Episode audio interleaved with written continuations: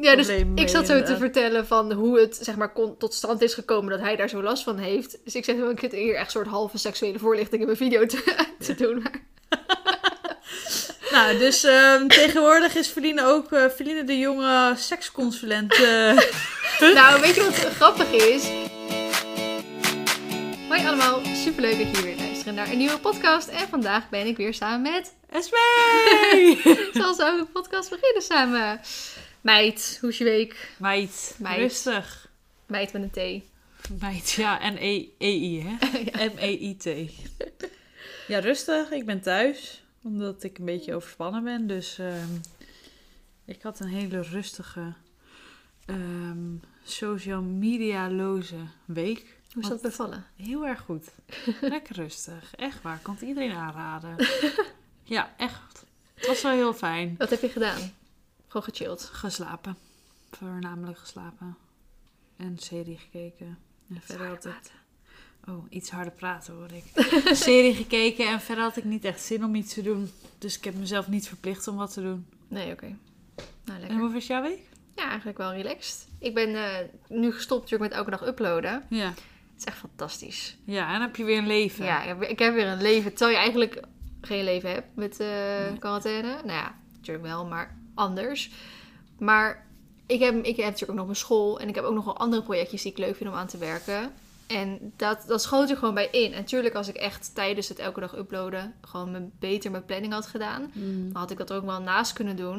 Maar dan heb ik daar gewoon geen zin in, weet je wel. Dan denk ik, als ik dan even niet met video's bewerken bezig was... dan wilde ik gewoon echt, gewoon echt niks doen. Dus inderdaad Ja. lekker uitslapen, lekker Netflixen of YouTube-filmpjes kijken. En dan wil ik niet ook nog bezig zijn met school of ook nog Nee, iets logisch. gaan doen. En nu ik dus niet elke dag meer video's upload... heb ik echt juist, daar heb ik dan weer echt zin in. Ja. Om dat allemaal te gaan doen. Dus ik ben super productief. Dus ik, ik heb heel mijn vooronderzoek heb ik echt afgemaakt. Dus ik Zo. heb nu, vlak voordat ik naar jou ging, heb ik mijn enquête, mijn eerste enquête gemaakt. Hij staat wel online, maar ik heb hem nog niet, zeg maar, Gedeeld. gedeeld. Want ik wil die tweede ook af hebben. Want het Ja. fijnste is als mensen ze gelijk achter elkaar kunnen maken. En daar had ik geen tijd meer voor, dus dat doe ik vanavond dan. En ik heb mijn ehm, assessment. Dat is een, een opdracht die, eh, ehm, die ik in de derde moest maken. Nou, dat is dus twee jaar geleden al.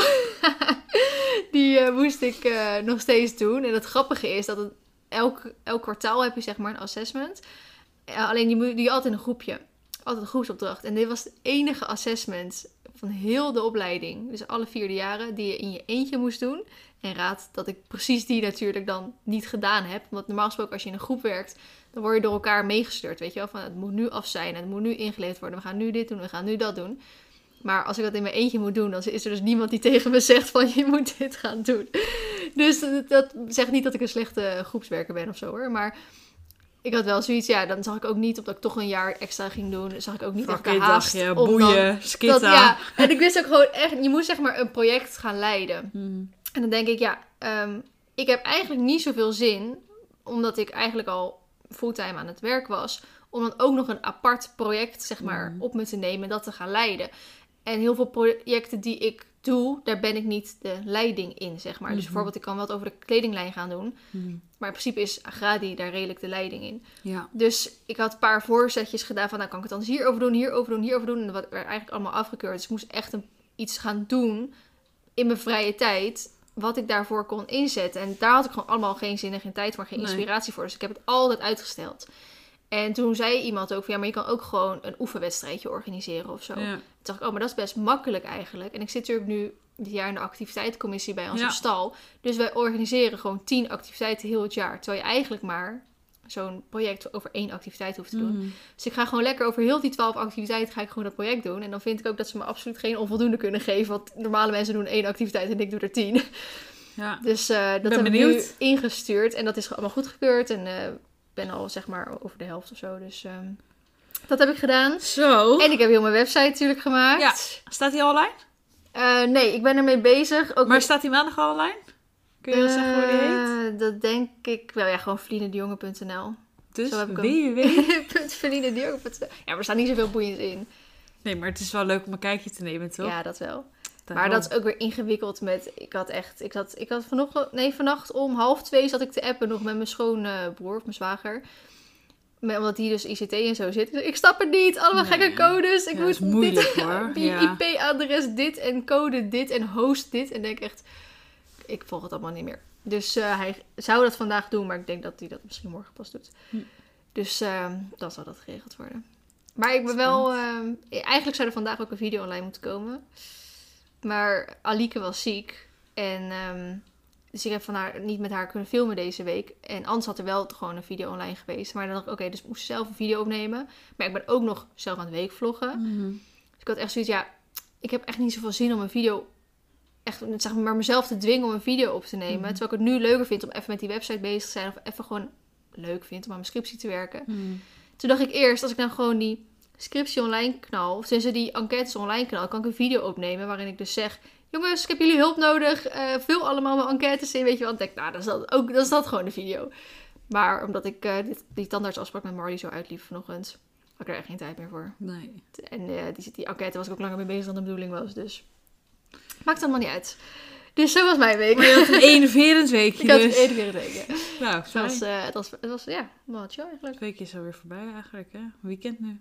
Lang weekend, want het is Pasen Oh ja, maandag. ga je nog iets doen met Pasen? Nee. Helemaal niks. Maar ja, ehm, op eh, sociale distance eh, gaan we brunchen met mijn schoonouders. Oh ja, Maar ja, we, zitten, we wonen praktisch samen, dus het is natuurlijk, ja. maakt dan ook niet meer uit, om maar zo te zeggen. Mhm. Ja, maar wij gaan het ook hoor. We gaan, eh, omdat het zo lekker weer wordt, gaan we dan buiten Ja, dan kun je gewoon met z'n allen aan een lange eh, tafel en dan eh, goed uit elkaar. Ja. Verder, nee, ik heb mijn planning echt geschrapt. Gewoon voor alles. Ik doe gewoon Relaxed niks meer waar ik, waar ik geen zin in heb. dus ja, het was wel heel wat dat we dit gingen opnemen eigenlijk. Ja? Ja, dit is een, echt een moeten dingetje, om maar zo te zeggen. Ja. En alles wat moet, dat, Dat had jij doe ik even niet meer.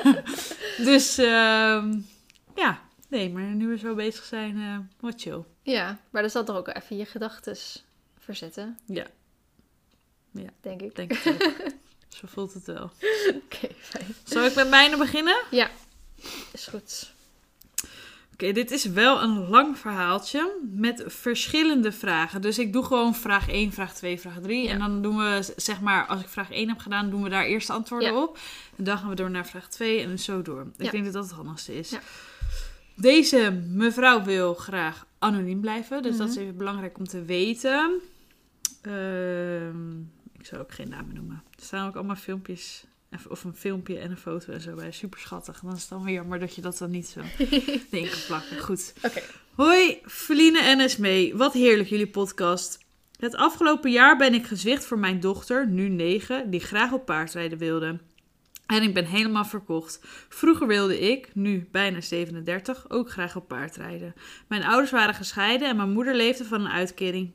Plus, ze heeft niet echt zo'n warm gevoel met dieren. Dus helaas was het min of meer hier geen plus. Op mijn zeventiende mocht ik dan, eh, dan toch ook eindelijk op paard rijden als ik het zelf een deel betaalde. Dat heb ik gedaan. Negen lessen volgehouden en de negende les werd, werd ik van de manegepony geslingerd en heb mijn arm gebroken. Dat werd dus genezen en daarna heb ik nooit meer gedurfd. Vandaar ook eerst mijn tegenzin tegen paardrijden van dochterlief. Ze heeft eerst met veel liefde op turnen gezeten, maar daar werd ze niet blij van, eh, van de meiden bij wie ze in de groep zat. Wat wil je dan, was mijn vraag. Het antwoord was paardrijden. Oké, dat gaan we toch maar eens proberen. Nu zijn we terechtgekomen op een manege waar ze lessen hebben met Shetlanders. En ze werd al snel uitgenodigd voor het Shetlander Showteam. Schattig. Nog een filmpje toegevoegd. nu heb ik meerdere vragen. Ik hoop dat jullie alles beantwoorden en ik snap als je er eentje uitkiest. Vraag 1. Hoe zorg ik voor de veiligheid van mijn kids tijdens het paardrijden? Ik heb zelf eens mijn arm gebroken en afgelopen zomer heb ik mijn teen gebroken of zwaar gekneusd omdat het klein, kleinste setje van stal op mijn teen ging staan. Nu is vallen van de setjes niet zo'n groot, heel groot risico. Nou, dat, dat is Nou, al verkeerd hoor. Maar ja, er kan altijd al iets gebeuren. En later komen er natuurlijk ook grote paarden. En dan? Wat doen jullie hier aan en hoe? Nou, ik moet sowieso één ding zeggen. Ik heb vroeger Shetlanders ingereden, samen met een oud vriendinnetje. Ik heb nog nooit zo vaak van een pony afgevallen als van die Shetlanders. Die ponies deden gewoon letterlijk hun hoofd tussen hun voorbenen. En ik ging, hè. Gewoon door die bak heen. Ik ging. En dan stapte ik weer op. Ik kon ook gewoon, want ik was altijd al lang. Toen was ik nog gewoon wat, wat lichter. Dus en ik, ik heb het hier over dat ik echt een jaar of acht of tien was, weet je wel. Ik was echt klein Zo nog. schattig. Zo schattig. Maar ik kon gewoon mijn benen over die pony heen leggen. En dan zat ik weer. Nou, en dan ging ik weer. Ik denk dat ik wel, nou, ik denk, ik overdrijf niet. Misschien ben ik wel in één dag tien keer van diezelfde pony afgevallen. Dus dat je, dat je nu zegt, eh, nu is vallen van een shitje niet zo'n groot risico. Eh, Groter. Ik moet zeggen, Neem dus, je woorden terug. ik heb dus nog nooit wat gebroken. Als ik ben, Klop ik veel. het even af. Nee, Zoek even hout. Nee, nu. hey, stop, stop, stop. Oh. stop. Ik heb nog nooit wat gebroken ehm, van het vallen van Marley of van andere grote pony. En ik maar heb jij wel bent een keer, gewoon genoodzaakt. Jij kan gewoon hartstikke goed vallen. Maar ik heb wel een keer mijn pols gebroken toen ik van een Shetlander afviel. ja, die chatjes, jongen, zijn echt Ja, en leiders. ik, had, ik had toen ook al echt, eh, volgens mij al een jaar niet gereden of zo. En ik ging toen weer voor het eerst op een Shetlander rijden op een buitenrit. En ik viel ervan af omdat hij, weet ik wel, een bokje gaf of zo. En ik viel ervan af en mijn pols was gebroken. Ja. En voor rest Maar je kan ook van je fiets vallen en je pols breken. Ja. Dus het is, het is een beetje... Kijk, je vraag is nu... Hoe zorg ik voor de veiligheid van mijn kids tijdens het paardrijden? Nou, sowieso een cap. En ik zou als ze zo klein zijn... Of tenminste, ze is nu negen. Maar alsnog zou ik gewoon een bodyprotector omdoen. Ja. Dat beschermt niet je armen, je benen en alles. En je kan alsnog verkeerd vallen. Ook al is het, nou, wat zal het zijn? 90 centimeter of zo, wat je dan naar beneden dondert. Mhm. Verkeerd vallen kun je altijd. En inderdaad, ze kunnen op je voet gaan staan. Hup, heb je je tenen gebroken. Of eentje. Ze kunnen je een trap geven. Breek je, kan je ook wel breken. Dus Mhm. eh, ongeluk zit altijd in een klein Ik hoekje. denk dat het er ook een beetje bij hoort eigenlijk. Ja, vooral bij, dan moet je er gewoon op ponyrijden zetten. dan heb je meer kans dat het goed gaat. In plaats van op de chatjes. Ja, maar er, er gaat sowieso, als je met paarden omgaat, gaat er een keer vroeg of laat een ongeluk gebeuren. Dat, Ja. Ik heb nog nooit iemand volgens mij gehoord die nog nooit iets met een paard heeft gehad. Dus die een keer in de vinger gebeten is omdat hij een wortel gaf. Die een keer op de Ja. teen is gestaan. Dat inderdaad echt arm is gebroken. Ik liep in een weiland. Ik kreeg een trap tegen mijn rug aan. lag een week op de intensive care. Dus weet je, je hoeft niet eens op het, op het paard te zitten om, het, eh, Nee, om zoiets eh, voor te krijgen. Dus ik denk dat je ook een klein beetje moet accepteren dat het erbij hoort. En zoals Esmee zegt, nou kijk, de voorzorgsmaatregelen die je kan nemen zijn een cap of een body protector. En als je er echt, echt, echt bang voor bent, eh, zou Dan pak je er gewoon helemaal in met... eh, Blokjes plastic. zit je dan? Zie je het al voor je? Nee, ik bedoel weer, je hebt eh, valtraining, weet je wel? Ja, dat je op heb ik ook eh, gehad. Op zo'n soort van neppaardstier iets gaat. Ja. Of, of judo, rollen, weet ik Ja, wat allemaal. Ik heb dat ook gehad, inderdaad. Dan kan je altijd nog valtraining doen. Al en, moet ik zeggen, ik ben de laatste afgetiefd. Nou, denk maar niet dat ik netjes, eh, netjes viel zoals ik wilde, hoor. Ik viel gewoon plop op mijn stuitje. ja, en wat wel heel belangrijk is, kijk, als je echt iets breekt, is het misschien wat lastiger, maar dat je er gewoon direct weer op gaat. Ja. Wat ze zegt, Anders is vertrouwen. En dat heb je nu met, jou, met jouw arm dan, zeg Ja, maar. Met die mevrouw haar arm. ja, Dan ga je er nooit meer op. Nee. Dat moet je met zo'n kind gewoon, hup.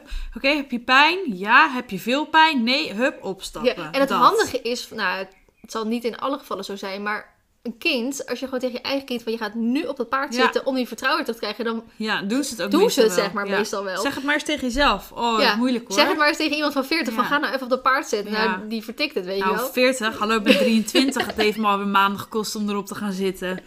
Dus dat, dat is echt... eh, wat doen jullie hier aan en hoe? Nou, dus eh, body protector en cap. Dat is gewoon heel belangrijk. Mm. En ongeluk zit in een klein hoekje. Dus je kan daar eigenlijk...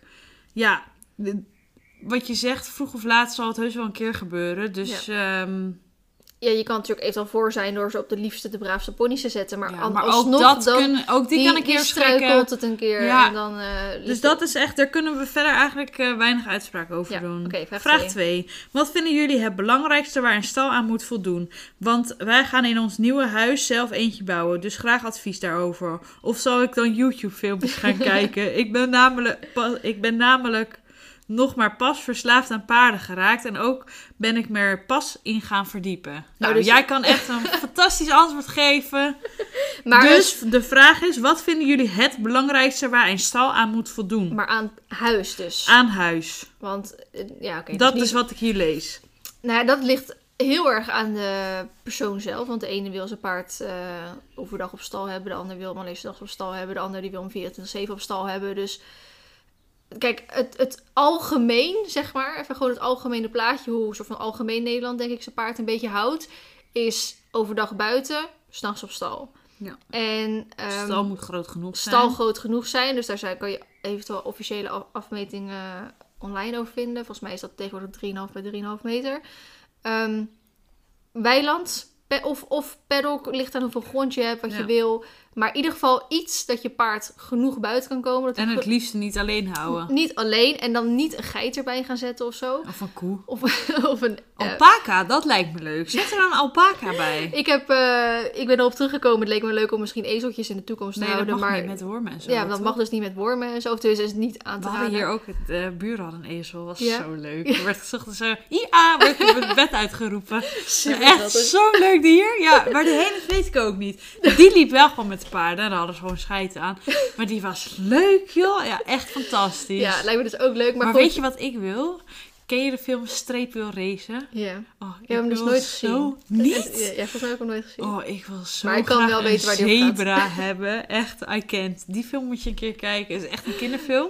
ik heb hem denk ik wel duizend keer gezien. Ik kan hem dromen. Maar echt, ik wil, daardoor wilde ik altijd een zebra hebben. Je kon laatst volgens mij een keer een zebra ergens kopen. Maar die ding die kost wel echt, echt- eh, meer... Echt... Ja, maar ook 10, 20.000 zo euro. eigenwijs, jongen. Ik heb al een eigenwijze kanarie eh genaamd Isa. Laat staan dat ik dan ook nog zo'n zebra erbij neem. Nee, moet ik niet aan Nee, nee, denken. nee. Maar goed, dus maar samen, met een, samen met een ander ponypaard iets. Dat eh, kan een Shetlander zijn. Dat kan een, eh, gewoon een klein pony zijn. Het kan eventueel een ouder pa- paard zijn die bij jou lekker op pensioen is. Dat eh, kan je ook allemaal. Of je koopt gewoon twee paarden. Ehm, en nou ja, ik denk go- goede kwaliteit ruwvoer. Altijd Wat is beschikbaar. ruw voor? Ja, hooi, hooi, Ja, kel iets. Ehm, bodem, dus, bodemdekking voor je, voor je stal. Altijd beschikking tot vers drinkwater. En dan ben je er eigenlijk, eh, Ja, dan Al. ligt het eraan wat je wil gaan doen, eh, wat je allemaal Ja. nodig hebt. ja. En kijk, je kan ook als je geen hele stal wil bouwen, kun je ook een schuilstal neerzetten. Ja. Dat ze dag en nacht buiten Ja. ehm, kunnen komen. Ja. Oké, dat was de vraag 2 Ja, eigenlijk. dit, we kunnen hier wel verder op ingaan, maar het is zo lastig. Maar het is meer echt gewoon wat je zelf wil. Ja. Welke ruimte je ervoor hebt. Wat Ja, allemaal mag ruimte, ook natuurlijk. ja, met wat thuis vergunningen, mag, ja. want eh zit er nu ook middenin. Ja. Ja. Vraag 3. Of eigenlijk een dilemma. Tijdens de lessen van een manege wordt er door de instructrice best wel vaak geschreeuwd. De instructrice bedoelt het goed en gelukkig heeft mijn dochter er geen last van, maar kan het niet uitstaan. Die meiden zijn allemaal nog erg jong en doen op hun manier eh, echt hun best. Ik weet gewoon niet. Ik weet gewoon dat het kinderbrein nog niet al die dingen tegelijk kan doen. Doen we zo denken aan vroeger. dat inderdaad... Ik had dus geen schreeuwende juffrouw. Nou, niet. Ja, ik... Ik zou terugschreeuwen. Ik zou echt, het zou echt verkeerd Nou ja, weet je bij wat? mij. Als, je, als we nu les hebben, hebben we vaak via een oortje les. Omdat we nu veel privéles hebben. Maar vroeger in de manege, dan moest je tien kinderen aanspreken. Ja, bij ons is gewoon met Ja, tien maar in één groep. oprecht is toch ook eigenlijk achterlijk dat je met tien kinderen tegelijk Ja, les dat hebt. is ook, maar nog steeds. Volgens mij is ook de officiële regel dat het niet meer dan vier of zes of zo mag. Maar dat wordt natuurlijk nooit ergens gedaan. Nee. Dus wij reden rustig met volgens mij maximaal 13 een keer in de les. Ja, dat is echt zo. Wij reden echt met z'n 13 soms in een 20 bij 40 bak op de manege. nee, Ja, hoe dat deed je dat dan? Ja, Om zijn beurt aangalopperen of zo? Nee, dat was echt, eh, Oh. Als je met zes een keer reed, was dat echt weinig. Dus ja, toen moest ja, die, die man of die vrouw, die, al- ik heb een instructeur en een instructrice gehad toen. Ja, die schreeuwde gewoon, want je moet wel al die mensen overbruggen over heel die, heel die bak heen, zeg maar. Dus ja, ik ben er ook niet fan van. Maar aan de andere kant denk ik weer, ja, hoe wil je het soort van anders Ja. oplossen? Ja, als je dat niet wil, moet je doen. je kind gewoon op privéles zetten. Dan moet je er van die manege afhalen. Pony aan huis, wat je dan toch al gaat doen. En dan privélessen gaan nemen. Ik vind sowieso privéles altijd tien keer beter dan Daar leren ze ook echt van paardrijden. Dit is gewoon groepsles is wel- kilometers maken. Groepsles is wel voor kinderen vaak leuker, omdat je dan Ja. in een groepje zit. Nu vond ik groepsles op de manege echt verschrikkelijk. En ik mocht, ik kon, wij, mijn zus en ik konden echt met helemaal niemand. Ze allemaal van die, van die arrogante kinderen waren het, zeg maar, die- die bij ons in de les zaten. Dus ik heb daar eigenlijk juist geen positieve ervaringen mee. Maar ik ken ook genoeg mensen die dat wel leuk vinden. En dat echt vriendinnenclubjes ontstaan en zo. Mm. Dat ze dan ook eh, bij elkaar gaan spelen na, na paardentijd. Dus ehm, ik denk dat je, als je het zo graag wil houden, moet je er of erbij neerleggen. Of misschien even met haar gaan praten. Ja. En het is inderdaad wel zo dat kinderen het nog niet zo opvatten.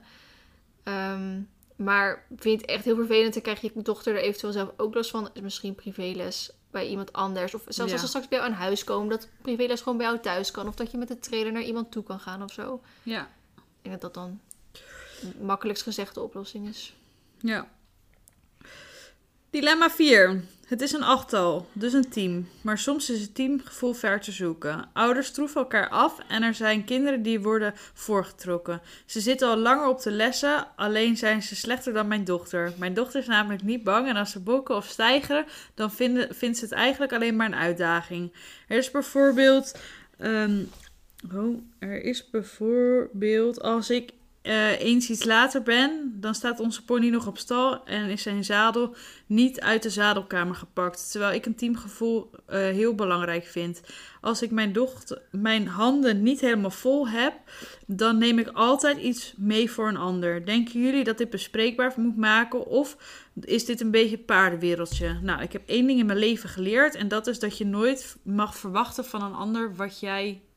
eh, hoe moet ik dat nou netjes zeggen? Ja, Je weet wat ik bedoel. ja ik weet wat je, je bedoelt. mag geen verwachting. Je mag eigenlijk geen verwachtingen hebben van een ander. Ja, terwijl jij wel dat bij een ander zou doen, zeg ja, maar. dat. Ja. Dat En- is met alles zo in het leven, eigenlijk. Ja, maar paardenwereld is dus vaak natuurlijk nog wel een slagje erger eh, in heel veel dingen. Dus ik, Vooral die moeders. Oh.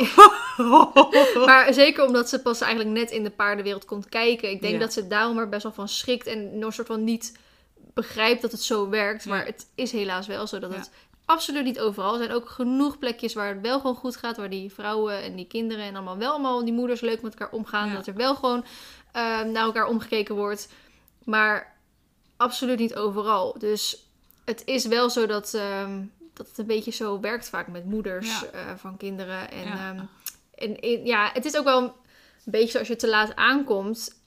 Ik zou ook niet eh, zadel of, of eh, iets voor iemand anders eigenlijk gaan pakken dan. Ja, maar jij bent helemaal... eh, ja, nee, dat past wel bij jou. Ik zou dat wel doen. Ja? Ja, ik ben wel zo.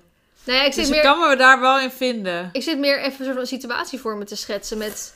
Bij, wat zou dat zijn? Kijk, als ik- Denken jullie dat, dit, dat ik dit bespreekbaar moet maken? Nou ja, ik denk, ik ben iemand die altijd als ik eh, me ergens aan erger of als ik denk, nou dat kan wel anders, dan trek ik mijn mond open. Ja. Dus dan is het ook wat, kijk, je hoeft natuurlijk niet meteen te zeggen, en eh, wat denk je wel niet en waarom doe je dat niet voor mij? Je kan Mhm. het ook gewoon zeggen, joh, eh, luister. Ja, maar je Ehm, kan ook die... die eh, hoe je kan het dat? ook gewoon subtiel brengen. Nee, we doen meer die, eh, die verwachtingen, zeg maar. Kan je wel Ja. uitspreken van... Ja, eh, is dit iets wat ik van jullie kan verwachten of Ja. niet? Want dan weet ik dat en dan kan ik er rekening mee houden. dat is echt, wat zeg je dat prachtig. echt, oh. Ik wil je eigenlijk een schouderklopje geven, maar we moeten anderhalf meter afstand houden. Maar dat is echt wat je zegt, he- ja, dat vind ik echt Ja. een goeie. Ik denk dat je daar best wel gewoon op een rustig, inderdaad vriendelijke toon eh, Ja. over kan hebben. Maar inderdaad, wat Verline ook al zei, het is ook een paardenwereldje. Ja.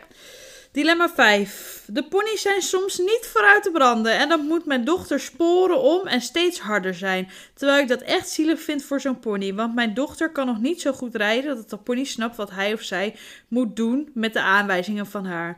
En dan gaat het dus steeds harder. Iets dat ik nooit zou willen voor ons eigen paard slash pony. Hebben jullie ook zoiets gehad? Ik dacht, ehm, ik dacht, ik ga sowieso ook lessen ergens anders nemen als we ons eigen paard of pony hebben. Maar het Shetlander Showteam willen we wel blijven doen, denk ik. Haha.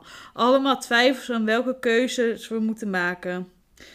Ehm, Chat aan de show doen is wel iets schattigs hoor. ja, deze leeftijd vaak kan ik prima keuzes maken, behalve als ik, als ik de kennis niet heb. En ik zou eh, graag nog meer krijgen door jullie antwoorden. Wat lief eigenlijk wel, hè? Ja, er staat ook nog een heel dingetje voor jou onder over. Ik kan het, dat, dat kan ik ook wel hardop zeggen. Vind jullie nog een kleine tip om een goede psycholoog te vinden? Zoek iemand die EMDR met je kan doen. Eh, ook als je geen grote trauma's hebt, is EMDR heel, heel eh, helend. Nou, dan moet je dan zelf nog maar Mhm. even lezen. Ik heb dat volgens mij wel eens voorbij zien komen. Ja. Maar ik vind meer... eh, Maar terug te komen op die vraag. ehm, dat, eh, eh, geen sporen omdoen bij je kind in ieder geval. Nee, ik zou er echt niet akkoord mee gaan. Met niet. sporen moet je kunnen rijden. Ja. En vooral die kleintjes. Ik was laatst drie, vier weken, nee langer. Twee maanden geleden of zo was ik op de manege van de, hier bij mij in de buurt. Want de dochter van mijn baas, die moest carousel rijden. Mhm. Die had daar een wedstrijd in. En toen was ik ook even blijven hangen om al die kleintjes te kijken.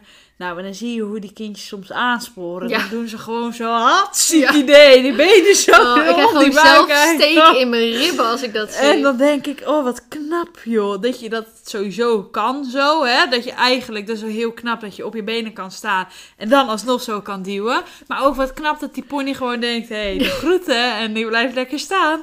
Dus moet je nagaan als je dan een spoortje erom. Ja, ik, Ja. Nou, ik zou daar niet mee akkoord nee, gaan. sowieso wat Esmee dat zegt.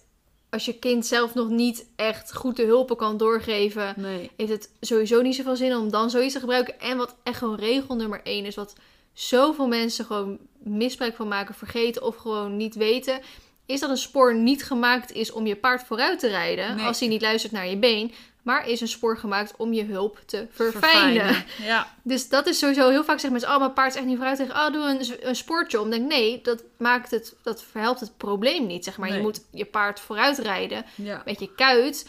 En als je paard niet vooruit te krijgen is, moet je heel veel overgangen gaan rijden. Ja. Moet je die verschillen meer gaan aantonen. En ik eh, laat bijvoorbeeld, ik heb een hele goeie, goed voorbeeld waar je spoortje wel voor zou moeten gebruiken. Ik ben met Marley druk aan het trainen van het M richting het Z. Ja. heb je superveel verschillende zijgangen. Je komt van Ja. het wijken af. Je hebt schouder binnenwaarts geleerd. Je krijgt travers erbij. Je krijgt keertwanneer erbij. En straks komt Ja. je appuieren. En dan heb je ook nog je stapgalop. Wat ook wel redelijk soort van lijkt. Alsof je in één keer zo hebt.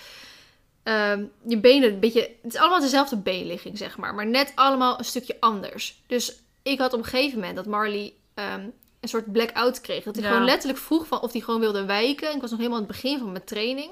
Ik vroeg gewoon of hij wilde wijken voor mijn been. En hij, en hij kreeg echt een soort blackout en hij ging stijgen. En hij ging, Ja, hij dat ging doet allemaal... Isa ook wel eens inderdaad. Hij ging ja, allemaal dingen dat, doen. je niet, dat ze niet meer weten wat ze moeten. Nee, precies. En dan denk ik, nou, eh, we praten over Marley. Wat fuck, dat heb je nog nooit in je leven gedaan.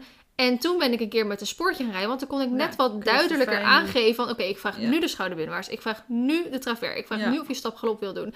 En dat heeft hem, voor, voor hem toen heel veel geholpen. En ik eh, rijd nu alweer even een tijdje zonder spoor. Omdat nu gewoon alle knopjes er gewoon goed op zitten. Ja, ze zijn bevestigd. Dus de knopjes zijn Ja. bevestigd. Dus ze hoeven niet per se meer ehm, met een spoortje echt onder, eh, onderscheid gemaakt worden. Als Nee. ik echt een wedstrijd zou rijden, zou ik het wel doen. Want dan heb je vaak net die concentratie ook extra nodig en zo.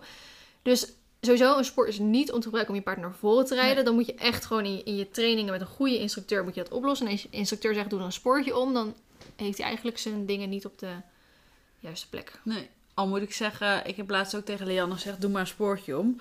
Want eh, Isa gaat nog wel eens eh, flink eh, aan de haal met Leanne. en dan is het op zo'n moment fijn om net eventjes dat spoortje te kunnen gebruiken om te zeggen zo, tot hier en niet verder. Mm. En, Ja, maar dan gebruik ik het als afbakening, zeg maar. Dus hetzelfde Ja. als je... Maar ik moet zeggen, ze is ook zo lui als dikke stront af en toe. Dus dan ben ik ook blij dat ik een spoortje heb. Dat ik dan kan zeggen, nou, kom op, hup, voor mijn been, Mm. naar voren. Weet je wel, dat. Mm. Maar als je maar niet Ehm, stomp op je spoor wordt. Nee, dan heb je ook weer een probleem. Ja, want dan is ze eerst stomp op je been en dan ga je een spoortje, want dan ga je het Ja. scherper gebruiken en dan wordt ze Ja. op een gegeven moment worden ze stomp op je spoor. En Ja. wat ga je dan doen? Dan, eh, Ja, dan moet je Een nieuw paard naar- kopen. ja, dan moet je weer terug naar de basis. dan is het gewoon klaar. Gewoon een nieuw paard. Klaar, hup, geen gezeik. Dus Nee. ik hoop, of wij hopen, dat we je vragen eigenlijk zoveel mogelijk Ja. soort van behandeld eh, hebben. Praat gewoon met je.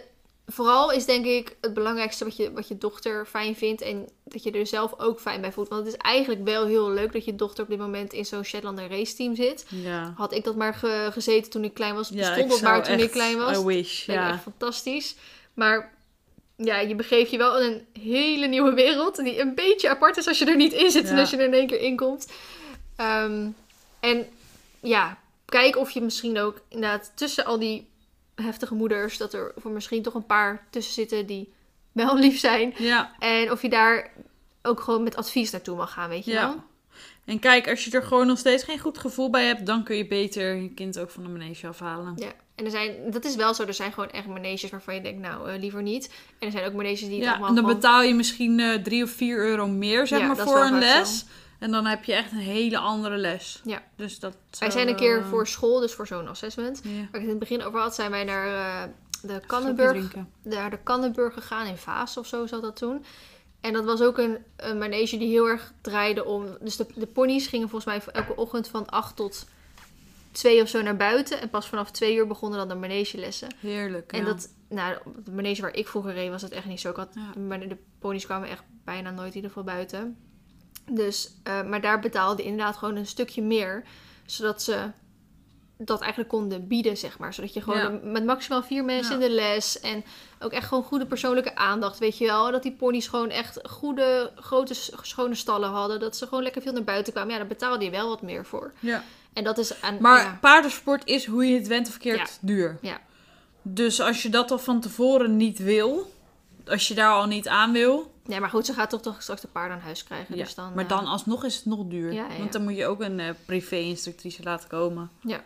Dus En dat is al gelijk drie keer zo duur als een groepsles. daarom. Nou, Next! we hopen Volgende dat het... eh, onderwerp. Oké, ik heb er twee uitgekozen. Waarom? Waarom? nou, ehm, ik heb dus heel veel mailtjes gelezen. En, Oh, boefje. en jij had mij gezegd dat, dat, ehm, dat, dat jij een paardenonderwerp had. Dus dan Ja. kies ik vaak een niet-paardenonderwerp uit. Alleen, het was zo verschillend ehm, in mails. Als in de ene mail kwam echt van, een, eh, van iemand die 12 was. De andere mail komt van iemand die eh, 24 is. De Ja. andere mail komt van iemand die 17 is. En het ene onderwerp gaat over... eh, ik ben 13, ik heb mijn allereerste vriendje. eh, weet je wel, eh, ik we hebben net voor het eerst gezoend. En dat Ja. is super schattig en leuk om te lezen. En de andere gaat over iemand die voor het eerst seks gaat hebben. En de ander gaat over iemand die dingen met ongesteldheid en zo vragen heeft. Dus het niveau van de mails is echt heel erg uiteenlopend. Ja, Ehm, dus daarom heb ik eigenlijk twee mails uitgekozen.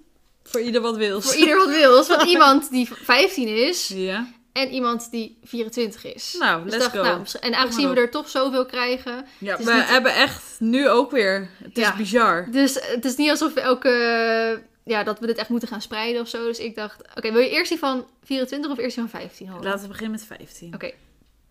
Ehm, ik eh, twijfelde een beetje om deze te, te doen, maar ik leg je straks aan het einde wel even uit waarom. Maar goed, ook dit hoort erbij. Oké, hoi Feline en Esme.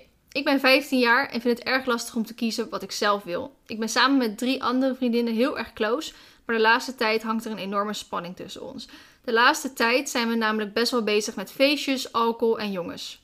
Eén iemand van de drie heeft een vriendje. Haar ouders zijn super beschermend en ze mag eigenlijk niks. Ze luistert altijd gewoon naar haar ouders en is het ook met hun eens. Dus als we naar een feestje gaan, gaat ze altijd vroeg weg eh, en is ze alleen met haar ouders aan het appen. De andere twee gaan altijd helemaal los en zuipen ook heel wat. Eerst was ik niet helemaal van de feestjes en alcohol of zo, maar mijn mening is wel veranderd. We hadden laatst een feestje en toen had ik te veel op en heb gezoend met een jongen. Aan de ene kant had ik er heel veel spijt van, maar aan de andere kant echt totaal niet. Ik vertelde tegen mijn nette vriendin. Zij was, heel, zij was al heel vroeg naar huis gegaan en zij vond het heel dom. De anderen zeiden dat het, er, dat het eh, niet erg is en het er gewoon bij hoort. Ik vind het heel lastig om voor mezelf nu te kiezen wat goed is en ik weet het niet. Ehm, dit is vind ik een lastig eh, iets, omdat het natuurlijk over eh, drank gaat, alcohol, feestjes, jongens. Ehm, en dat is soms een gevoelig onderwerp, omdat je het niet wil promoten, zeg maar.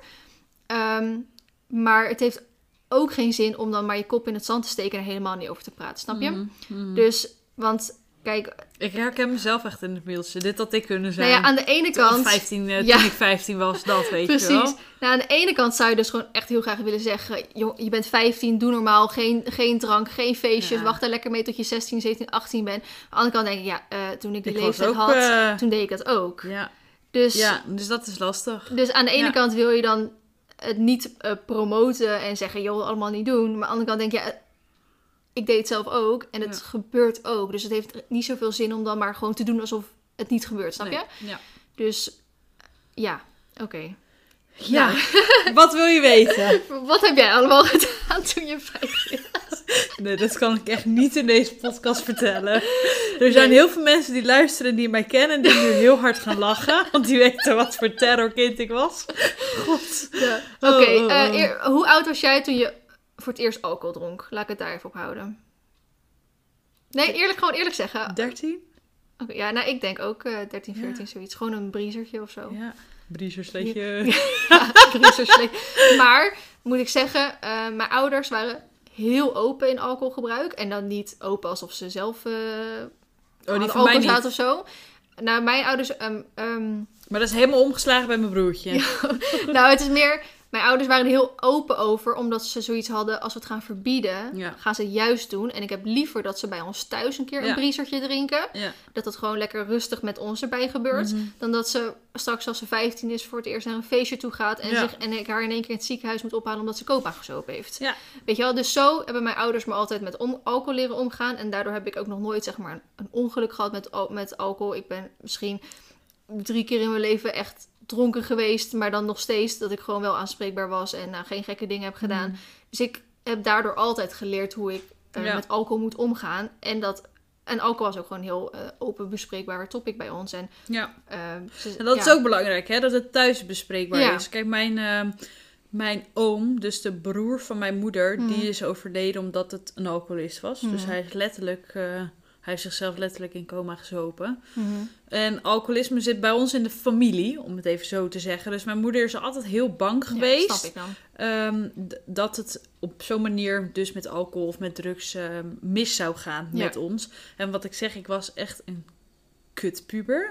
echt waar. Ik deed echt alles wat God verboden had. En ik luisterde echt voor geen meter. En Mhm. daarom was ze extra beschermend met dat dus Ja. over dat alcohol inderdaad. Ja, nee, dat snap ik. Maar bij ons was het ook zo, dan doe je het maar liever hier, Ja. waar we nu bij zijn. Dan dat je straks, eh, inderdaad, dat we gebeld Ja. worden met, eh, met het bericht Ja. van... eh ja, Esmee heeft zich in coma gezopen, kunnen jullie even Ja. komen? Want de maag is leeg, uh, leeg Ja, gepompt, mijn ouders hebben ook letterlijk gezegd van... als je een keer drugs wil proberen, zeg maar. Ze zijn absoluut, ze doen helemaal niet aan drugs. Ik weet niet of mijn ouders überhaupt ooit drugs hebben gedaan. Ik ben zelf ook heel anti-drugs. Ik heb dus nog nooit in mijn leven drugs gedaan. Maar mijn ouders hebben letterlijk gezegd, als je een keer drugs wil proberen, dan doen we het samen. Nou, jij begint daarover en ik begin heel erg te, te grijnzen. René Watsma van Rumach, weet je wel, Mhm. die heeft laatst een video online gezet dat hij gaat blowen met zijn moeder. Nou, ik ging stuk. Die moeder is sowieso echt, als, je, als René dit luistert, echt jouw moeder, love haar, echt fantastisch. En hun ging met z'n tweeën dus blowen. Ja, ik, kwam- niet meer bij. Dan Ja. denk ik, ja...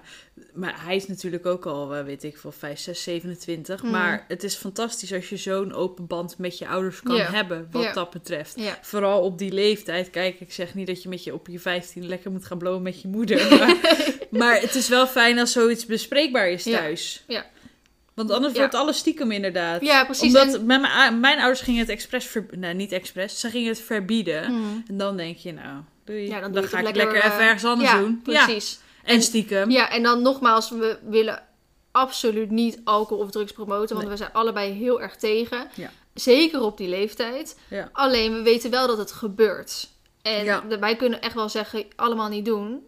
Maar Ja, dat we, we zijn niet. zelf ook jong geweest, Ja. dus het helpt toch niet. En nou, als als, je, dit zo zegt, dan lijkt het alsof we twee oude, oude dakduiven al zijn, hoor. Het is nog niet eens tien jaar geleden. Nee, hou eens even op. We zijn zelf ook jong geweest. Moet je horen dan. Ja, oké, zo klinkt het wel. Heel erg inderdaad, om echt 60 zijn of zo. Dat Maar- kunnen we later zeggen als we met z'n tweeën achter ons relatietje lopen. Weet je nog? dan is het lang geleden. Dan kun je dat zeggen, maar nu nog Ja, niet. nee, oké. Ik zeg dat super vaak ook in mijn vlogs. Toen ik nog jong was, dan reageert er weer iemand van, van 40 of zo. Vleen, hou eens even op. Ja. Ik voel me oud als je dat zegt. dan denk ik, ja, oké. Maar het is, het is gewoon grappig om dat te zeggen. Toen ik nog jong was. Maar ja, goed. Ik deed dat ook toen, eh, toen Ja. ik die leeftijd had. Ja, goed zo. En eh, oké, nou dat over alcohol en eh, eventueel drugs. Ja. Ehm, hoe oud was jij toen je voor het eerst zoende met iemand? Ah, 12, Ja, ik ook. 13. Oh, ik was 12. super jong. Ja. 11, 12, 13. ja. Ik- het is inderdaad zo lang geleden dan, om het even zo te zeggen, dat Mhm. ik dat echt niet meer eh, Vroeger hield ik echt bij met hoeveel jongens Oh, ik ja, had ik ook. gezoend en met wie. En een lijstje bijhouden en zo. Ik ook. Maar dat, eh, nou nu, ik weet het denk ik nog wel hoeveel te zijn. En ik zou misschien een heel zwaar nadenken nog wel weten wie het waren. Maar nu denk je daar gewoon echt niet eh, Nee. meer over na of zo. Nee. En ehm, daarmee, kijk, nu is op je twaalfde met iemand zoenen ook niet per se heel normaal. Maar ik moet zeggen, toen ik twaalf was... Was het helemaal happening hoor. Ja, maar voelde dat zeg maar gewoon alsof je er al klaar voor was. Terwijl als ik nu denk aan een twaalfjarige, dan denk ik, hou die tong alsjeblieft nog even binnen. en terwijl toen ik zelf 12 was en ik mijn eerste echte vriendje zeg maar kreeg, ja, toen was dat gewoon Ja. normaal zeg maar. Mhm. Dus ik was 12 toen ik voor het eerst eh, zoende. En Ja. nou, ik had er geen spijt van, want het was wel gewoon met mijn vriendje toen, zeg maar. Dus ja, als je 15 bent en je hebt het onder invloed van drank gedaan, ja, dan is het inderdaad even afvragen, oké, was dat het beste om te doen? Nou, misschien niet, maar goed, je kan het toch niet terugdraaien. Spijt komt met de tijd. Ja. ja. Nu ben je op zich 15 en ik, vroeger hechtte ik er zo van best wel waarde aan eh, wie je eerste seizoen zou zijn. En aan de andere kant nu denk ik, ja, wat boeit het nou wie mijn eerste... Nee, wie Nee. boeit het nou wat, wat mijn eerste seizoen zou zijn, zeg maar. En ik weet dat ook op die leeftijd het eh, inderdaad, hè, toen echt te turven met wie je hebt gezoend en, Ja. en hoeveel. En op deze hè, leeftijd, Nu nou nog meer. tien jaar later, dan denk je, wat boeit het met hoeveel Ja. jongens ik gezoend heb? Ja. Of heb je er met twee gezoend, of heb je er met 200 gezoend? Ja, dat, eh, oké, 200 zou ik niet doen. Maar Dan ben dat, je echt eh, een dan ben je echt een brievensletje. Maar ja, het, ik snap heel goed dat het op die leeftijd heel, heel heftig is. En dat je er graag dat je er zorgen om maakt. Wil het nogmaals het niet ehm promoten of wat dan ook. Maar weet wel dat het gewoon normaal is en dat het iets bij de leeftijd hoort. Er komt nu reclame van alcohol in beeld. Nee, sorry. Nee, maar ik denk ehm, dat je dit heel mooi verwoord hebt. En feestjes, nou dat kan nu toch met de, coro- met de coronatijden Nee, kan het toch We niet. toch coronacrisis. En eh, ja, wat je eigenlijk natuurlijk de hoofdvraag ging om eh, dat ze het lastig vindt om voor zichzelf te kiezen. Ja. Ehm, Maar dat is gewoon... Je moet niet kiezen. Je Nee. moet niet hoeven kiezen tussen je nette vriendin... Om het even zo te zeggen. Tussen je Mm. nette vriendin, zoals je het zelf noemt. Ja. En die twee losgeslagen losbollen. Ja, dat, daar moet je niet Nee. tussen hoeven te kiezen. En je hoeft ook zeker niet te verantwoorden tegenover hun of Nee, zo. en een vriendin mag ook nooit zeggen van je moet voor mij kiezen of zo. Als iemand jou zoiets voorstelt, dat kan toch niet? Dat is gewoon, dat, dat kan gewoon niet. En ik snap dat het op die leeftijd wel eens gebeurt. Maar Feline hoeft het echt niet tegen mij te zeggen hoor. Van, eh ja, je moet nu kiezen. Ja. Nou, daar is de deur, de groetjes. Ja, precies. Nee, dat, dat kun je niet maken. Dus als iemand jou voor zo'n keuze stelt, ja, dat vind ik niet oké. Nee. Nee, nee, daar ben ik het volledig mee eens. Dan Dus, moet je eh, gewoon zeker voor jezelf kiezen. Ja. En wat voor jezelf goed is, ja, dat is experimenteren. Want ja, dat is je leeftijd. Ja. Dat heb je mooi gezegd. Experimenteren. Wat je, of je het fijn vindt om elk feestje iemand anders te zoenen. Of niet. Of niet. dat moet je zelf weten.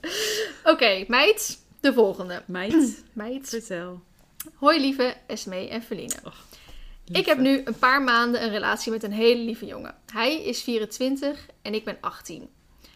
Wow, toen ik dit trouwens voor het eerst las, had ik het andersom gelezen. Zeg maar dat zij 24 was en hij 18. Maar oké. We hebben best een leeftijdsverschil, maar over het algemeen merken wij hier niets van. Ik heb hem ontmoet via Tinder. Niet judgen, lol. En we, en we hebben voordat we elkaar ontmoetten daarover, eh, daarop veel gesprekken gehad. Dit ging over van alles. Hij had mij onder andere gevraagd of ik nog maagd was. Ik met mijn stomme hoofd wilde stoer overkomen en zei dat ik het wel eerder had gedaan. Ik had namelijk toen nog geen idee dat dat gesprek op een serieuze relatie uit ging komen. Toen dingen serieus tussen ons begon te worden, zei ik dat ik het graag nog rustig aan wilde doen op het gebied van seks. Hij vond dat prima, niet wetende dat was omdat ik maagd ben. Nu zijn we een paar maanden verder en begin ik te merken dat hij het wel eens tijd vindt, wat ik heel goed begrijp. Ik ben er ook wel klaar voor, maar weet, eh, maar weet niet of ik het nu aan hem moet opbiechten of niet. Ik ben bang dat hij op mij afknapt als ik de waarheid zeg of dat het minder aantrekkelijk is. Maar niet zeggen lijkt me ook een dom idee. Ik baal ervan dat ik niet vanaf het begin eerlijk was geweest, maar weet nu even niet wat ik moet doen. Geen idee of jullie het een geschikt onderwerp vinden voor in jullie podcast, maar ik zit er behoorlijk mee en ik hoop dat jullie mij kunnen helpen. Vast bedankt. Kusjes, ik wil graag anoniem blijven. Dus nou goed, dit is dan de mail die dan weer wat over iets ouder gaat. Maar goed, ik dacht eerst dat ze 24 was, maar ze is dus 18. Ehm, het eerste wat natuurlijk gewoon bij ons naar binnen schiet is gewoon zeggen. Ja, maar je moet sowieso ten alle tijden, altijd, gewoon je hele leven moet je jezelf in de spiegel aan kunnen kijken. Dus moet je eerlijk zijn. Ja. Kijk, je kan best dingen achterlaten, achterhouden. Dus Mhm. je had ook kunnen zeggen van hier, op deze vraag ga ik niet in of zo. Hmm. Weet je, dan is het materiaal om later te bespreken. Hmm. Maar om te gaan liegen. En nu vooral, nu het een serieuze relatie is, straks ga je trouwen met hem. en dan Ja. denkt hij nog steeds, weet je wel, of stel dat het wel een keer aan, aan te sprake komt, Hmm. dat je aan het borrelen bent met anderen of zo. Ehm, het ligt er ook natuurlijk aan hoe open je bent. Ja. En je moet hem dan gaan vertellen dat het dus gelogen is. Ja, nou ja, wat ik meer heb, kijk, heel het gedoe, leeftijdsverschil, dat hebben we volgens mij al een keer over gehad, weet niet zeker, maar dat boeit me echt helemaal niks, want mijn Nee. ouders schelen 16 jaar, dus dat, eh, dat vinden wij helemaal niet gek of zo. Ik heb genoeg vriendinnen die Ja. ook op die leeftijd, toen ze 18 waren, al met wat oudere jongens gingen. Dus vaak is het nog een soort van bijna aan te raden om met een oudere jongen te gaan. ja, die omdat zijn ze, volwassen nu. die zijn volwassener en die zijn wat meer op jouw eh, ding. Nou, dat je hem op Tinder hebt ontmoet, maakt me ook helemaal niks uit. Daar kijken ook genoeg mensen mee die daar een succesvolle reactie mee hebben, of een relatie mee hebben. Ehm, dat je hebt gezegd dat je niet maagd bent, terwijl je dat wel bent, dat is inderdaad niet zo heel slim. Maar goed, dat eh, gebeurt ook genoeg mensen, of doen ook genoeg mensen. Ja. Maar wat wel gewoon zo is, net had ik het over wie boeit het wie jouw eerste zoen is. Dat boeit helemaal niks. Maar wie je eerste keer is met seks, is. Nou, niet, ik zal niet zeggen dat het echt belangrijk is, want soms Nee, maar blijf je wel meer bij. Mits je je- dus nuchter bent en niet zoals die andere meid dan naar bed in Duit. Precies. Als je ehm, voor het eerst seks hebt, is best wel, als dat echt heel negatief gebeurt, zeg maar, kan dat best wel heel veel problemen in je latere leeftijd eh, ontstaan. Eh, dus ehm, het is buiten, eh, eh, daar gaan we het straks over hebben, over je vriend, met, eh, dat hij je zou verlaten en zo. Maar ehm, buiten dat, als hij weet dat het jouw eerste keer is, dan zou die je met respect behandelen. Zou die heel rustig doen. Zal die di- vragen van, vind je dit fijn? Vind je dat fijn? Ja. Ben je al klaar voor het volgende stapje? Ja of nee? Terwijl als hij al denkt dat je seks hebt gehad, dan denkt Ja. hij dat, je, dat jij al weet hoe het werkt. En Ja. wat je zelf fijn vindt. En dan gebeurt het misschien te, te snel dan dat jij eigenlijk fijn vindt. En dan heb je geen positieve ervaring aan je eerste keer. Misschien, wel, misschien gaat het ook allemaal wel heel soepel en is dat wel gewoon allemaal. Ja. Maar ik zou niet het risico nemen. Ik zou het fijner vinden als hij gewoon de tijd voor je neemt. Eh, dat jij er gewoon een positieve ervaring aan je Mhm. eerste keer overhoudt. Mhm. En ehm, ik denk persoonlijk dat jongens het alleen maar leuk vinden. Ehm, als je maagd bent. Omdat ze dan soort van jouw eerste... Ik vind dat wel een mooie eigenschap hoor. Als je op je 18 nog kan zeggen dat je maag bent. Ja, absoluut. Ja, Ja. ik, ken, eh, ik heb trouwens genoeg vriendinnen die... eh, nou, die... Oh, nou, SW schudt nee, maar ik heb er wel best wel veel. Die eh, op deze leeftijd, of nou, nu net misschien sinds een jaartje of zo, een vriend hebben. Ja, dat is echt... Die zijn op mijn 22 e waren ze nog steeds maagd. En dan kan je een soort van denken, oh, wat fuck, hoe kan dat? Maar als je soort van nooit eigenlijk iemand bent tegengekomen waar, waar je dat soort van mee wilde doen... En je niet een losgeslagen persoon was die allemaal nightstands doet. Dan is het nog een soort van, komt het best vaak voor dan je denkt misschien. Ja. Ehm, Dus maar, dat is ook zeker niet iets om voor te schamen. Nee, absoluut niet. Maar je moet daar wel, ik denk, wel een eerlijk gesprek over gaan hebben. Ja. En als je dat moeilijk vindt, kun je dat best wel via de app doen. Nee, ik zou dat gewoon... eh, nee, Ja, maar dat wordt vet awkward anders, misschien. nee, juist in het echt. Dat is toch juist zo'n moment dat je, dat je elkaar in de ogen kan kijken en dat gewoon lekker kan bespreken en kan knuffelen daarna. Zo is het wel echt zo uit te leggen. Vind je dit een ongemakkelijk onderwerp, meisje? Nee, ja, maar wij denken daar gewoon anders over, denk ik. Ik ben gewoon, dan denk ik, ja, het is inderdaad wel iets wat besproken moet worden. Niet een appje van, hé, hey, eh, moet je nog wat vertellen? Maar... ik weet niet. Ik weet ook, misschien is het omdat ik me er niet zo goed in kan inleven. Dat ik Ja, dan maar een beetje ongemakkelijk ga lachen. en ga denken hoe ik dat had opgelost en dat het waarschijnlijk nog veel erger zou worden. Oké, vooral bij dit advies niet naar SB, SB luisteren dus op dit punt. Want ik denk dat je al goed kan begrijpen haar reactie hoe ze... Nee, is echt moeilijk. Maar ik, ehm, ik vind het wel eh, respect voor hem dat hij in ieder geval de tijd voor je wil nemen al. Ja, Want En- ze hebben al een relatie en het heeft dus al even geduurd. ja, Dus hij had nu ook al kunnen denken van... Ik zou dus, als, als ik haar was, zou ik niet bang zijn dat hij bij, dat hij bij haar weg zou gaan. Nee. Daar zou ik niet bang voor zijn. en ik, als zou ik trouwens... als zij het zou vertellen, zeg maar. Ja, maar ik zou er trouwens ook niet eens bang voor zijn als hij weg eh, zou gaan. Want dat betekent dat het gewoon een idioot is. Ja. You fucking idiot. Ja, denk als jij eerlijk bent over dat je nog baag bent. Nou, eh, als je Ja. dan wegloopt, dan ben je echt een idioot. Ja. Dus, en wat ik zei... Dus dan is het ook niet te waren. Dus dan hoefde jij ook de keuze niet meer te maken. Nee, hoef Nou, ook niet bang voor te zijn. Simpel dan. ik, hoef, ik denk echt dat je echt daar niet bang voor hoeft te zijn. En Nee. wat ik zeg, vaak vinden jongens het juist best leuk Ja. als zij jouw eerste keer mogen zijn. Ja. Om het even zo te zeggen. Ja. Binnen de lijntjes. Vaak vinden jongens het leuk als ze je de hele losse slaapkamer even kunnen laten zien. In iedere hoek van de slaapkamer. Nee, oké, knip het eruit. Nee, laat het erin. Goed. Nee, nou goed, dit is dus een beetje wat het eh, nou niet echt awkward maakt, maar wel onhandig. Omdat we gewoon weten dat er meiden Ja. van zelfs 10 naar deze podcast luisteren, maar ook eh, ja, vrouwen van 22, maar ook dus van 37 en eventueel misschien nog ouder. En dat het wel soms, je wil eigenlijk een soort van deze informatie die we net hebben verteld, eigenlijk nog niet aan de tienjarige vertellen. Maar aan de andere kant denk je, ja, oké, dan weet ze dat misschien maar alvast. Hallo? Ja, sorry. Ik Nee, kreeg je mag niet afgeleid zijn. Maar je hebt niet gehoord wat ik zei, hè? dat ehm, aan de ene kant wil je niet vertellen aan een tienjarige hoe je eerste keer moet zijn. Nee, ja, maar- het is lastig, want het is inderdaad wat je zegt. We hebben zo'n... We hebben geen specifieke doelgroep. Nee. En je- ja. Het is niet zoals... ehm, weet ik veel... eh, nou, ik kan nou even niemand ja, noemen. dat je echt alleen maar kinderen... Ja, nee, eh, dat, hebben we, dat heb nee. Jij eigenlijk, want het zijn natuurlijk vooral eh, jouw volgertjes. Het kan wel voor jou, hoor. oude influencer. Maar dat is dus wel lastig. Dus laat ons anders ook even weten Of je, of je het- dit soort gesprekken juist fijn vindt of niet. Kijk, ik kan me er wel aan aanpassen, want ik kan minder awkward worden. Maar gewoon nu even... Ja, maar mij lijkt het. ehm, want ik kreeg dus ook een, eh, een DM van iemand die al echt wel wat ouder was. En ze zei ook van eigenlijk alle onderwerpen die jij met Esmee bespreekt, eh, die zijn niet op mij van toepassing.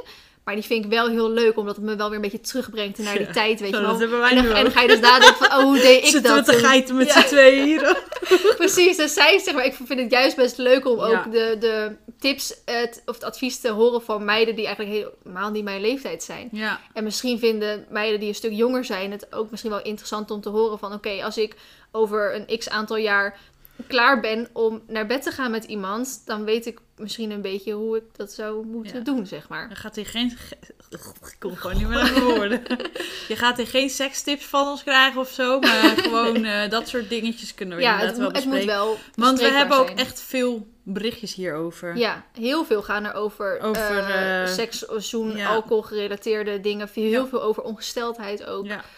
Ehm, dus daar kunnen we Dus zeker let us know. Misschien worden we gewoon een sekspodcast. Seks, seksuele voorlichting podcast. Kunnen we erbij gaan doen. Boeien, hè? Die komt dan op dinsdagochtend online. Uh, dinsdagnacht eigenlijk dan, hè? Kunnen ze s'nachts luisteren. Nachtpodcast. Je nachtelijke seksuele voorlichting. Dan krijgt hij zo'n ro- eh, zo'n rood meldingje op je telefoon, weet je wel. Ik was Goed. dus, nee, wacht, oké, om het af te sluiten.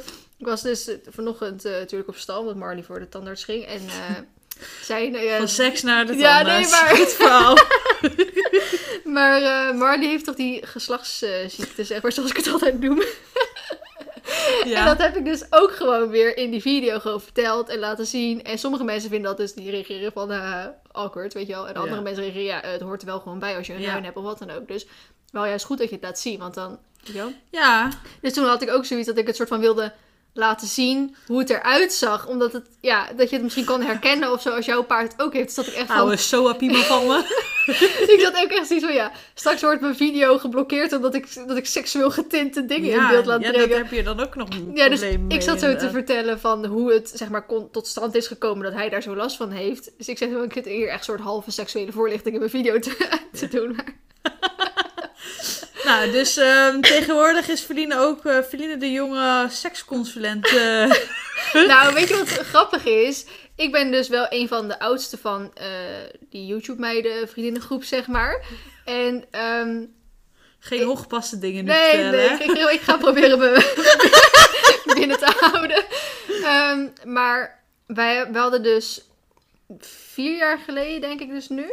Dus toen heel veel, dat ik een van de eerste, een van de enige was die wel al eh, dingen had gedaan, zeg maar. En die meiden eigenlijk nog te jong. Boom, boom, dingen. En die meiden eigenlijk allemaal nog soort van te jong waren om dat al gedaan te hebben, zeg maar.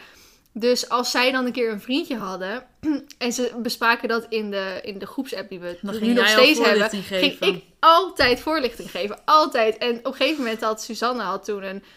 een eh, Ze noemt ze ook echt bij de nee, naam. maar dit is ook niet zo Oh, erg. Maar kind. Suzanne had toen een keer zo'n soort van overzicht gemaakt en dat als eh eh, profielfoto zeg maar gedaan. En dan overzicht van elke naam en dan de specialiteit van diegene. En dan bijvoorbeeld Luna is altijd, die heeft altijd met setjes, weet je wel. Dus Ja. Luna was de setjescanner. En eh Dana, die was iets met, die was best wel met vriendjes of zo. Dus die was de vriendjes dit. En En bij Feline stond er dan inderdaad van seksuele voorlichting. Oh, dus dat, ik, vond, ik vind het ook gewoon zo van leuk om, me, om soort van, ja, daarover te praten zou ik niet zeggen. Nou ja, goed, het is niet leuk, maar ik vind het ook helemaal niet, eh, ik vind dat niet awkward of zo. Nee. Maar ik vind het wel altijd soort van fijn als ik iemand daarmee kan helpen of zo. Ja. Die dat wel awkward vindt om erover te praten. En dat ik dan met diegene gewoon daar open over Ja. kan voorlichten. Ja. Misschien moet ik toch maar seksuele voorlichting worden. Goed, dus lijkt dat je wat? SMS dan nu naar 0909. Voor de nachtelijke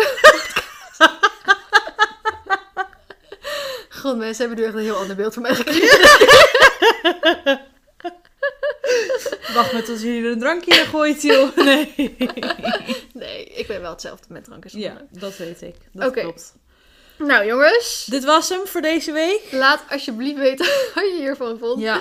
Ik weet je, dat wil ik nog wel even zeggen. Ik krijg ook vaak berichtjes. Ja, Feline reageert toch niet. Dus ik stuur het maar ook even naar jou toe. Wat ik van de podcast vond. Ik reageer best veel te Nou, ik reageer mm, normaal gesproken eh, wel op wat, zeg maar. Maar natuurlijk niet op iedereen. Maar ik merk nu door de quarantaine heb ik ook meer tijd overal voor. Dus ik reageer echt wel op ruim de helft van mijn DM's of zo.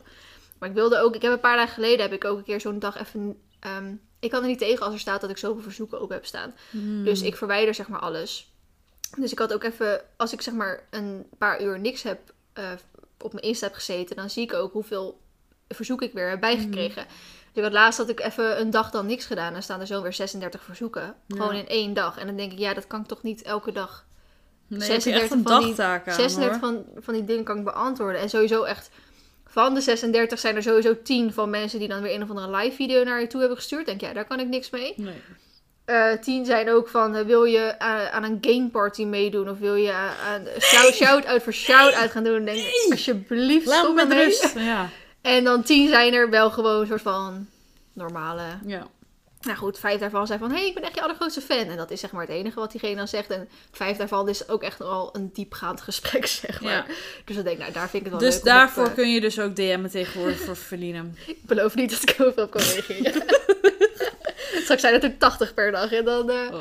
wordt het wel Nee, erg dan kun je lastig beter mailen, dan kunnen we het hier bespreken. Ja. Oké, nou laat ons weten wat je ervan vond. Ja, Van de echt, seksuele eh, voorlichting van Weet je wat misschien leuk is om te doen? Wat ik misschien voortaan kan doen? We hebben dit... Eigenlijk is het het leukste gedeelte van de podcast afgelopen verhaal. Vind ik dan tenminste. Misschien... de- en terwijl dat dus echt pas op eh, minuut eh, 40 of zo begint. Mhm.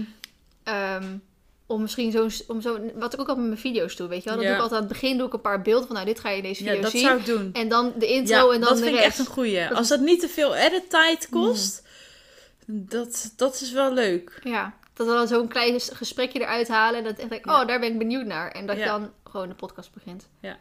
Oké, top. Dan ga ik dat doen. Oké. Groetjes, groetjes allemaal. Doei! Dag. Graag.